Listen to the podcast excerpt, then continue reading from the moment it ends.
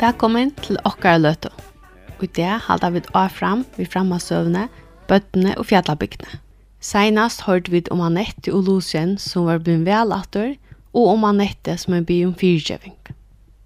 Lucien gikk latter nyan etter fjallasøvne, og Anette gikk under lyhansara. Det hadde ångat i overfylls heim fra skolan, men nu var ørvuse. Det hadde vært en etnerykke morgun til Lucien, Utan att greja närifrån har läraren sagt att han har sett några så ävbara väkrar utskårna mynter i frutuna.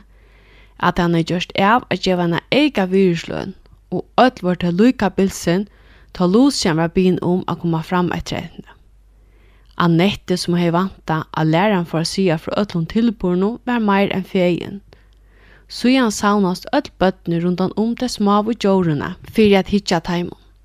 Min frøkken til Peter helt fire at det var heppig for seg at de var leten så sent inn. Annars er han ånga virslo vunne, og det var det ødel samt om. Det yngste er sin ødel av sutja borsen til honom, og jentene røpte. Hon er samast le som borsen til Annette. Og Annette boja hjertkjøpt etter at han får sya. Det er sin borsen til Annette. Men han sverar best, er det velja så, og ta ånden så blunka i handla Annette. Ta Teivor kom burstu fra öllum bøtnun, ratti han bojina mot han etter. Det var stort til å få hana virsløn hos alt, sier han. Men jeg kan ikke eie hana, Det kan ikke han etter. Er tuin, og mer damer skal teka hana fra der. Nei, du skal eie hana, sier hon. Læraren sier det, og nu er bogen tuin. Alt du leie, sier Lucien. Er rødt hun eie vid hana bæge, så jeg halte jeg vi skulle skiftas om at hevene. Jeg har en henta måneden, og to neste måned, og så igjen er atter til neste måneden. Anlid jo Annette lustig av glede. Henne domte bøkene så vel. Ja, sverre hon, ta ville feien. Om du vil, så kunne vi skifta fyrst i hver måned. Så la kjørte det sier, at han som hei bøkene, bär han över grannahuset och leie han av båret första seitna parst och kvarje månad klockan fem. Jesus säger vart det allt året, og etter var en god vane, til hver fer var det mynt av at sånn glede kommer av å fyrtjøve, at lete ånden fra parstusunnen og å hjelpe hver Skal vi ikke se at hun gjør brennevien her i Hibbojna, sier Lucien, og ta til at du bosta kævan av vinen, settes deg a blia i henne, til Lucien er unga de hukte han av. Han er alltid av ståra avhå for fjødlen og har mengan granska feramanna bøker, og viste nu Anette at det imisk oppgångene. Hette den beste oppgången igjen av Matterholden, sier han eldtoavur og peker av studien. Henta vi inn atli mer fjær fyrst, og Anette som satt under lyn og honom og svartja vi beinon yngste at hon eisen var dronker så hon kunne gjøres fjallaklintrare. Det så du landje, og hinn heita middagssolen skeinir og atei ur innu blåa himmelen handan fyrir ter og kvidu fjallatindene. Myndina var så hovekjande at jeg glemte døvran, inntil han klantra seg rødt og syne at heimun sier. Annette, om han sier skulle fære mot der, døvren i livet for lengsjan og jeg vil sjolv rete. Det var Dani som som tungla stias i høytjene, Han så heiter og pøster ut. Annette leip samviske fotl av føtter. Dani røpte hun, du må ikke komme så lengt om han. Du klarer ikke å genga ned natter. Vi må skunde okkon heim. Tei fóru spekla til gongen i etter gøtene, men Dani var ekliga mauer. Han hei ångat i avur gynnsi så lengt einsamat vi høytjon, men han hei atat i hugsa at han får møta systersynare, ta han kom om i nasta vedboen og var så færen haltan til sted. At endan tok Lucian upp rydgen og bær han, medan han etter bær høytjenar. Lucien bær han lukka til trappunar, men ongen tarra seg neka. Det var lukk til at okkurs var kommet upp med Lucien og Nette, og bægi hugsa av teg at hvordan nekte jeg høyde fyrtju kvarn øron, var Dani verandi i halvtor, og han får omkant i aftur at kunne genga som henne. Jeg har sylt upp beinen hon, sier Dani så syndalega, da hon bær han opp i jøkken trappunar. Bær han opp i Anette. Anette leie han sujan åman av døgna og gav hon hon alla kjettlingarna a spela vi, og sette seg ned av supa da køldu eba supanna. Papen var fern atel arbeides, og etter at om han hei deilt hana for å være så sein, får han oftar i køkjen a skai om han av mjölkjene, og ikkje var langi til Anette for å hjelpe henne. Hva ber Anette, sier omman knapplega. Du sær så tyngt ut. Anette sverar ikkje vitt det samme, men så er han helt om fyre. Omma, ja, gå av badne. Om at du sier at om jeg ber Jesus kom inn i hjertet, vil han räcka alla tar önd i ut og gjøre det för att være god vid lucien. Og i senest vik og gikk vel, men ta i suttje hos ilt han i beinon, og i minnes hos byrgran platt jeg være, kom alle så huksanen fram. Ja, sier om han. Det trykker vi vel. Kvønn det benka ljótar, undar og sjálf gav huksaner og padidnar og vilja komme inn. Røyne ikke sjálf var reka da bostur, Bi herren Jesus om han teka seg av teimon, vi kærlega sunnum. Les kon deg i Bibelen tja der, og fylla du alt og hjärsta tutt vi tui som i henne stendur, vir ikke plås for slugun hoksanon. Hva er det særlig omtale Bibelene, spurte han etter. Og jøkken alla Bibelene sver om han. Vi tar vi senast en lys i jøkken Marskos evangeliet, ikkje satt? Og hva sjuja er fotla av kærlega? Kærlega hans er til lærsveinane, kærlega hans er til fudgjenda Kærleik hans er til fattig og lujande menneskje, og kærleik hans er til det smave bøttene. Les alla søvn om Jesu lui gjødla og fyr til sjølva, og hugsa om hvordan han elskar jeg, og minst til at det var den samme kærleikken som kom inn i hjertet tutt, da at bare han Jesus kom inn. Jeg sver han etter og hugsa for seg sjolvan. Jeg skal byrja ut det, og hvem morgen tar jeg vakne for jeg lesa om hvordan Jesus elskar jeg Lucien som var færen heim hugsa i eisne. Jeg sutja Dani så trøytta han gjør den hotungan. Annette hei by om fyrring for alt det skreiv hun har gjørst, og ikke henne var alt i leie. Men han fikk ånga du gjørst beinet til Dani frukst. Hvor var Annette som ikke brøyt og hei fyrring honom? Og først hei han hilde at det var best tog at han er funnet han i kævanon, men nu visste han at det var meir enn det. Hun er tåse om at leta han har hår opp for Jesus, og omman er sagt oss om at kærleik Jesus rek ut sjålsøkne og ovinsemme. Tan gamle mævren oppi av fjallnån hei tå som miskun og fyrgjeving. Kanska da du åpna i dittnar, kveta som verste, kom nøye fyrgjeving og kærleikin. Kanska var det alt det samme. Annette var og kosser neggbrøt. Av og var hun så sjålskå og overfyrgjevande, og nu var hun eimjuk og vinsom. Ta fekk Lucian hugsa, at Jesus Kristus ikkje best var ein som hei liva for lengar tusujan, men ein som verla levde og kunne gjera nakka nu. Han er gynnsi spekla, men var nu komin heim.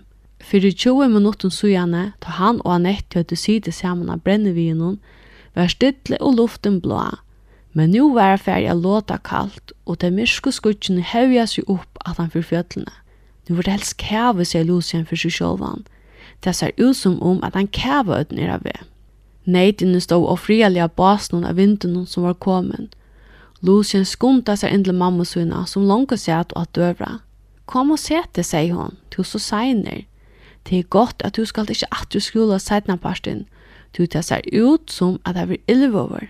Men hva er det for en bok som du hever? Det er en virusløn, svarer Lucien. Læreren gav meg henne for akkurat han er seg som er skåret ut i frytunnet. Det var vekkert størst av honom, sier mammaen. Visste han om hit som var bråte? Jo, sier lusjen og fart hos mokt Anna. Han leis uja sværa for spurning vi vujjande tog. Han atta ikkje å komme fram i løndarmalen til Annette. Han kunne ikke leta vera vi at hukse om Annette. Mamma hans er feks via struk i køtjenon, så nu var han ensam til stovene. Jeg bare Jesus om han koma inn. Det har Annette sagt, og så er omma lysen og grønner i bøybene. Kanskje han kunne finne deg. Han er dama vel å lyse til atter. Han får yvlig hyllene og tog det gamle støv til husbøyblene nye. Fremst i henne var alt en føringardier, brytleb og destier i husen og nyrskjøy. Mamma hans er lært skjoldan ui henne, og han visste du ikke om henne utan om til han er lært i skolan. Han myntes ikke hva om han er lise, men han helt at han var atterlig i bøyblene. Han fant ikke, men han fann imes Anna. Han fann evangeliene og søverne han i hørst i skolan henne, om Jesus som grøtte, og hvordan han har gitt blind og sjån, reinsas bedølsk og reist deg opp. Ja, og her var han søv om hvordan han har gjort at han lærme kunne genga. Reist til og gakk. Om Jesus verla levde ut det og hei ombrett han etter, kunne han visselig eisen gjøre dagen i fruskan. Lås igjen i ångan du bygge, så gjerne han var en løytel dronker, da han stod når når bygge seg med mamma sønne. Men nu får han ut i hodgjuse og opp av loftet og leie seg knæ Just her han for nøkron mannen sugen heili jo gratis og bærslige. En visste han ikke hva det ville si la lade opp dittene for Jesus, men han troe at god var nær og lorste etter honom om han bæ.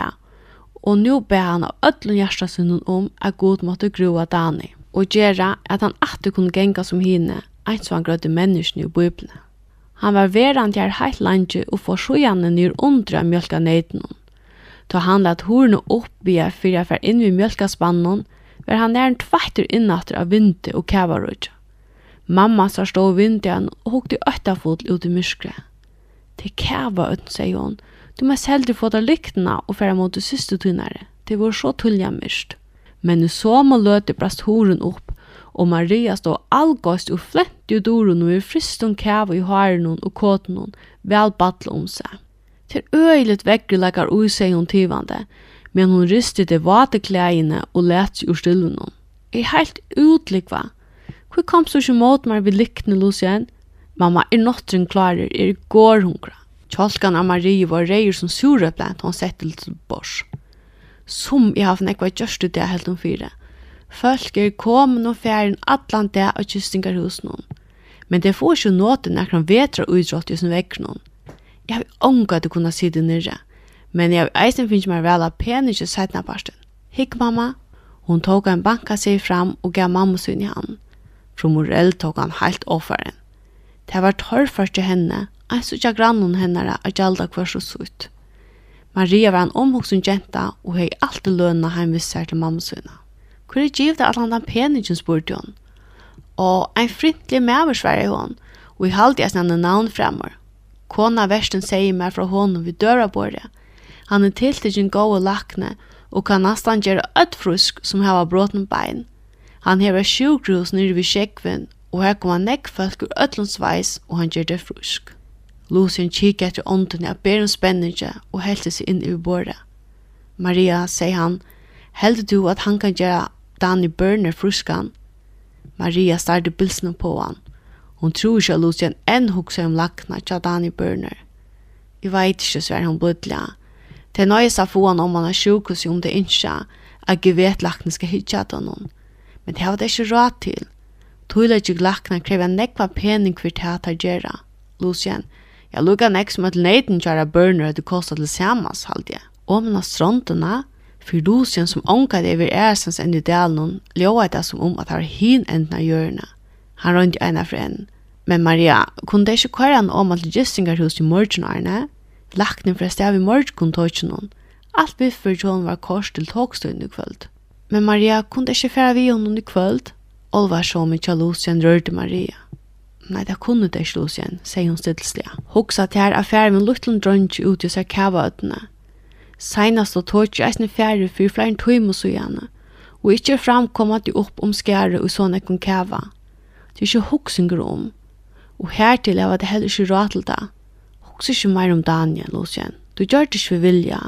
Og han er alltid vel hurtig utanfor halvland vi hører ikke noen. Lucien sier ikke mer, og systeren er helt avfram ved å ta som hinne gestene, og hva alle hinne tjeneste jentene hadde sagt. Lucien hørte ikke et år av tog. Han har gjort av hva han skulle gjøre, men enn var trutja tørr for oppgaver å løse. Råkningen til lakna var dyrer, og Lucien hei onga pengar. Hugsan hans er leita hon i den gamla mannen oppi av fjallnum. Han åtte nekva pening, men for han er vilja djeva noen neka, skjær var eisne mulig av byrsti av. Men han kunde alltid røyna. Klara han det ikkje, så han gjørst det han kunde.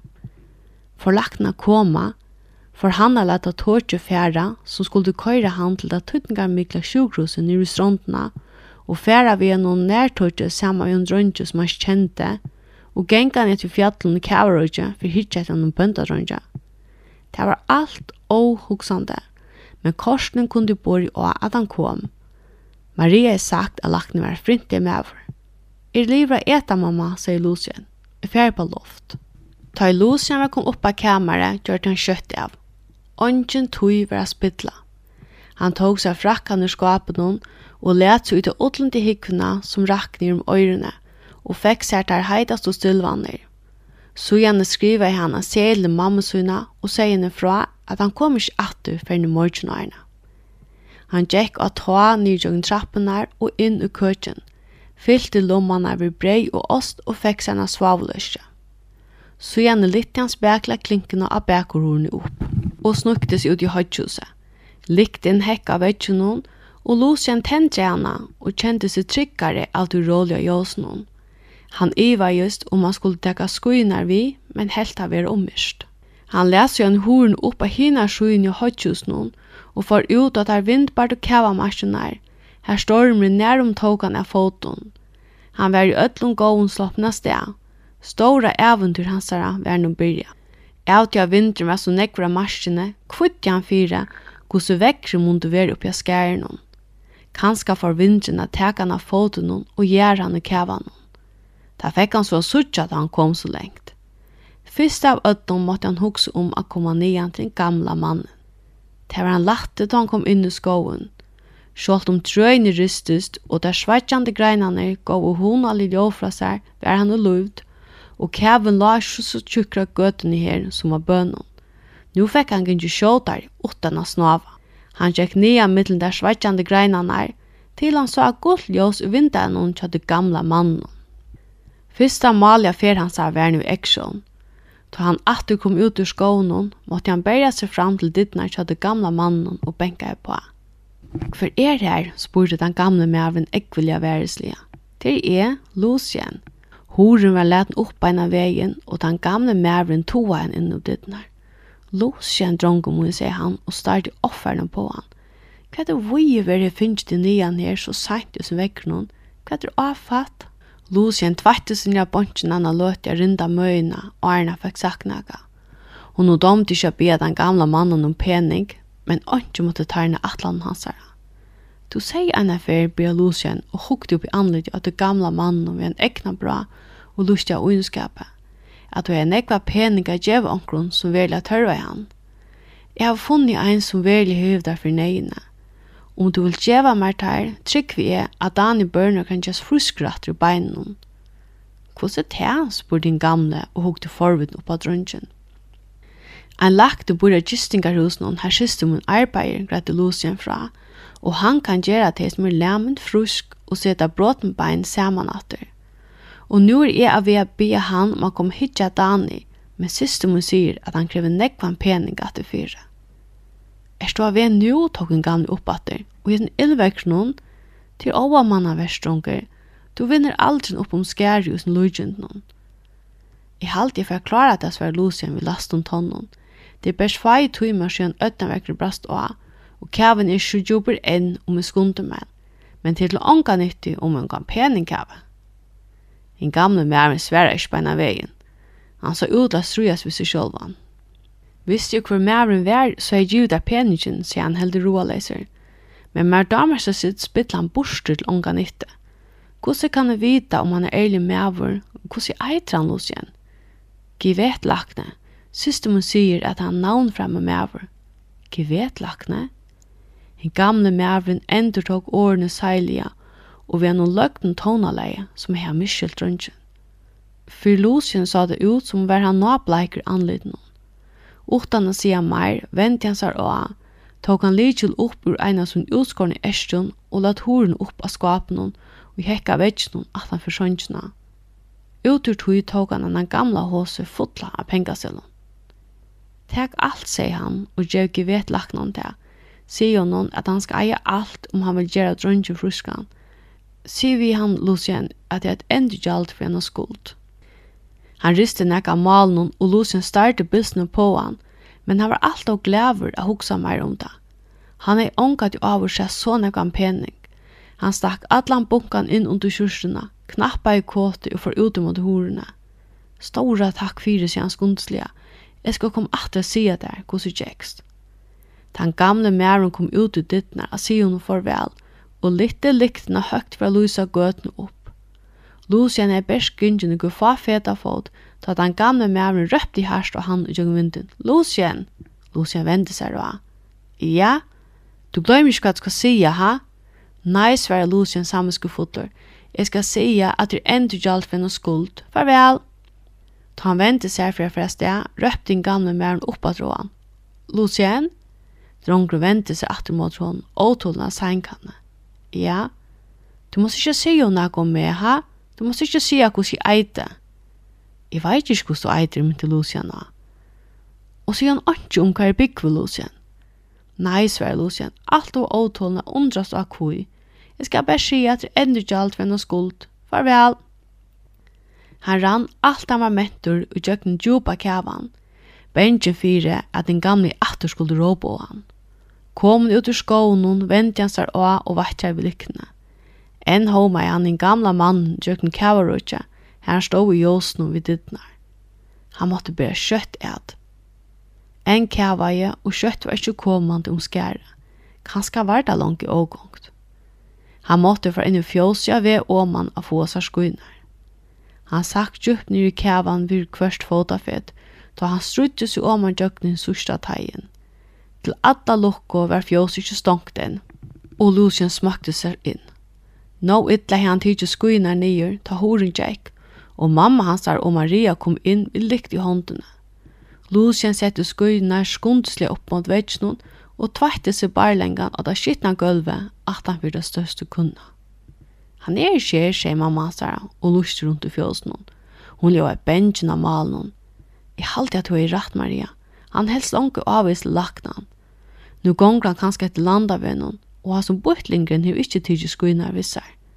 Kanska kunde vi finne herra børner affær at han av og finne han heimator. Han kan ikkje være kom så lengt til gonga. Ja, det var av nøytar til sier Maria Jottande, og ljøva i oppøst av malen. Herra børner for han skjøtt at av skuion, og kan stekke honom, og han har gongs i overføre. Læt okkur færre ivra spyrja han beina vegin. Tær får skundsle utatter og Lucien som la tatt inna syne kunne leipa føtter.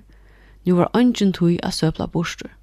Det får å teka dem tvær eller trutja minutter eller til seg frakkar og stillvær, og i hesen vekkenen tog det minst eller ekkert her a geng iv til herra børner. Tutsi minutter ginga seg fra hva det vil då, og tja herra børner få seg lyktna, stillvanar og skuina fram.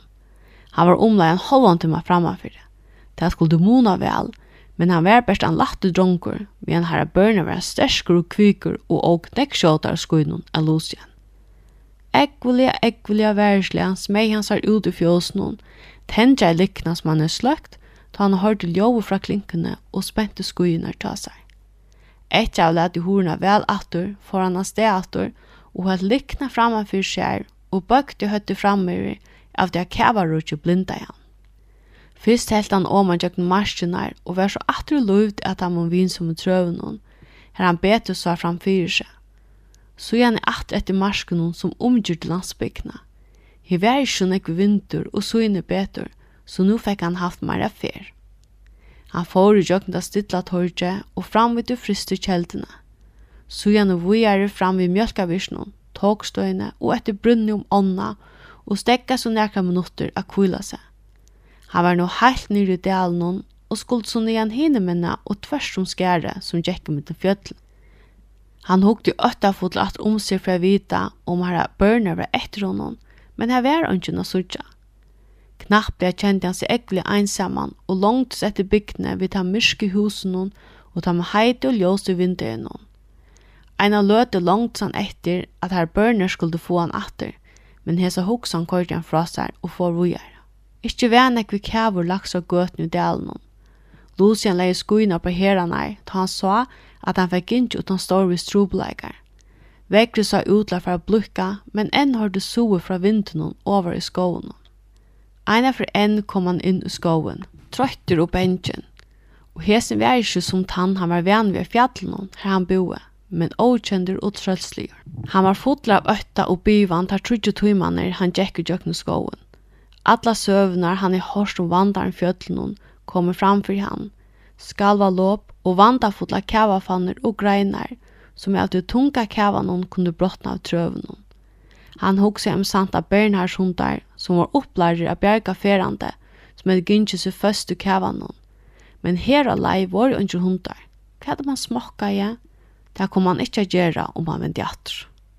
Han stegga henne og løte og undres iver at hendan hoksan ikke var kommet fram for han fyrr. Hvordan lagt heit seg være spent skuinar og ikke værisle om etter gøtene som gikk om i jøkken skoven og fer heimater.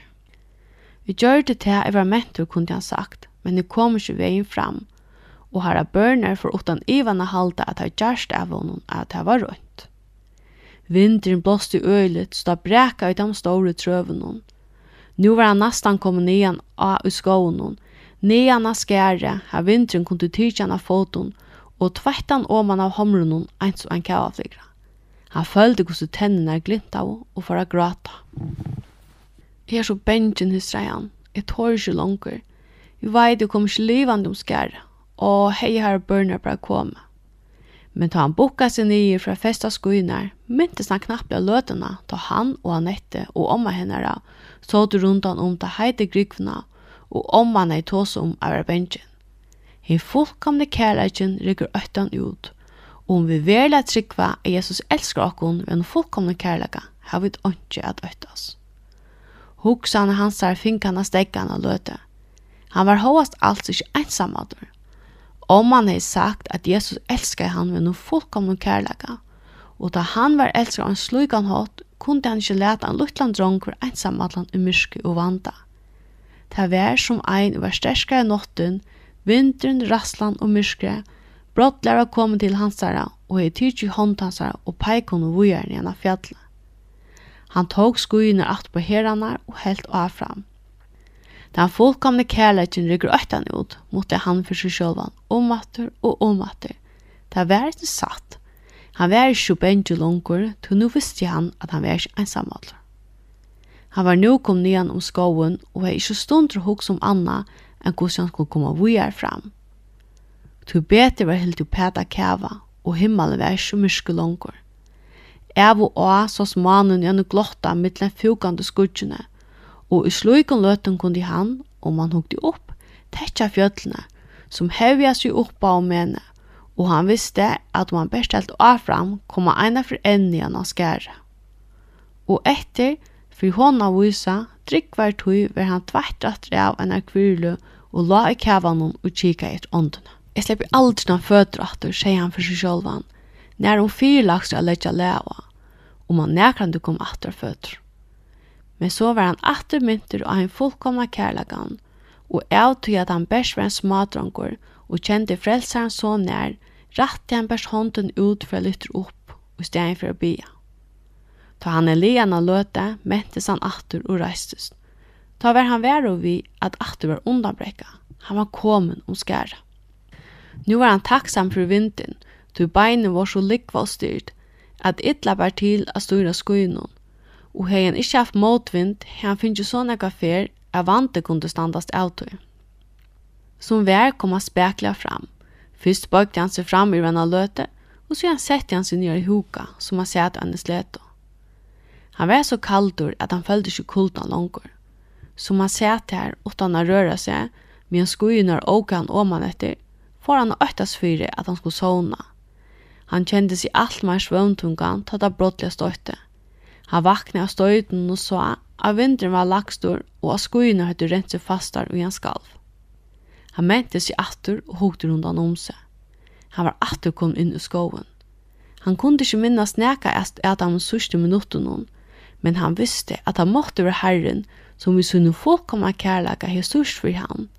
Du framma for seg er hei da sløtte gøtene som snue seg inn i mittel trøyne, og han var ikke vildstor. Han reistest, det var egla mist, og lykte lusti bæsningu fa fota for fram. Han måtte styra varlislega, og tog gøtan snusar åman etter, og kjøtt vær er fer ut av etkene eller renna seg av trebolaner. Nu var han og luvd inne mittlen trøyne, og var så smått færen av fulla limener atter, og det var pinnefullt. Han var kommet lengt åman utan djupa delen, og her var nesten stittlig i skånen. Stundu stå han, og stunde sets han av huka. Ta ta tåg av lusa morgen etter, spjatte skudgjene, og mannen kom fram og gav så skyn nye mittlen greinene. Ta han at enda kom ut ur skånen, så sta mykje bøyre langt nere. Om halvan tøyma får han å være framme, og får å benke opp at dittnar at du står i kystingarhusen og så. Om Jesus virkelig elskar meg en fullkomne kærlega hoksa Lucien, kan han ikke ha lært meg kom alle henda veien til unga nytte. Og alt og trøyt til hoksa meir, stort han tvørst om det kvitt og stille merskinar.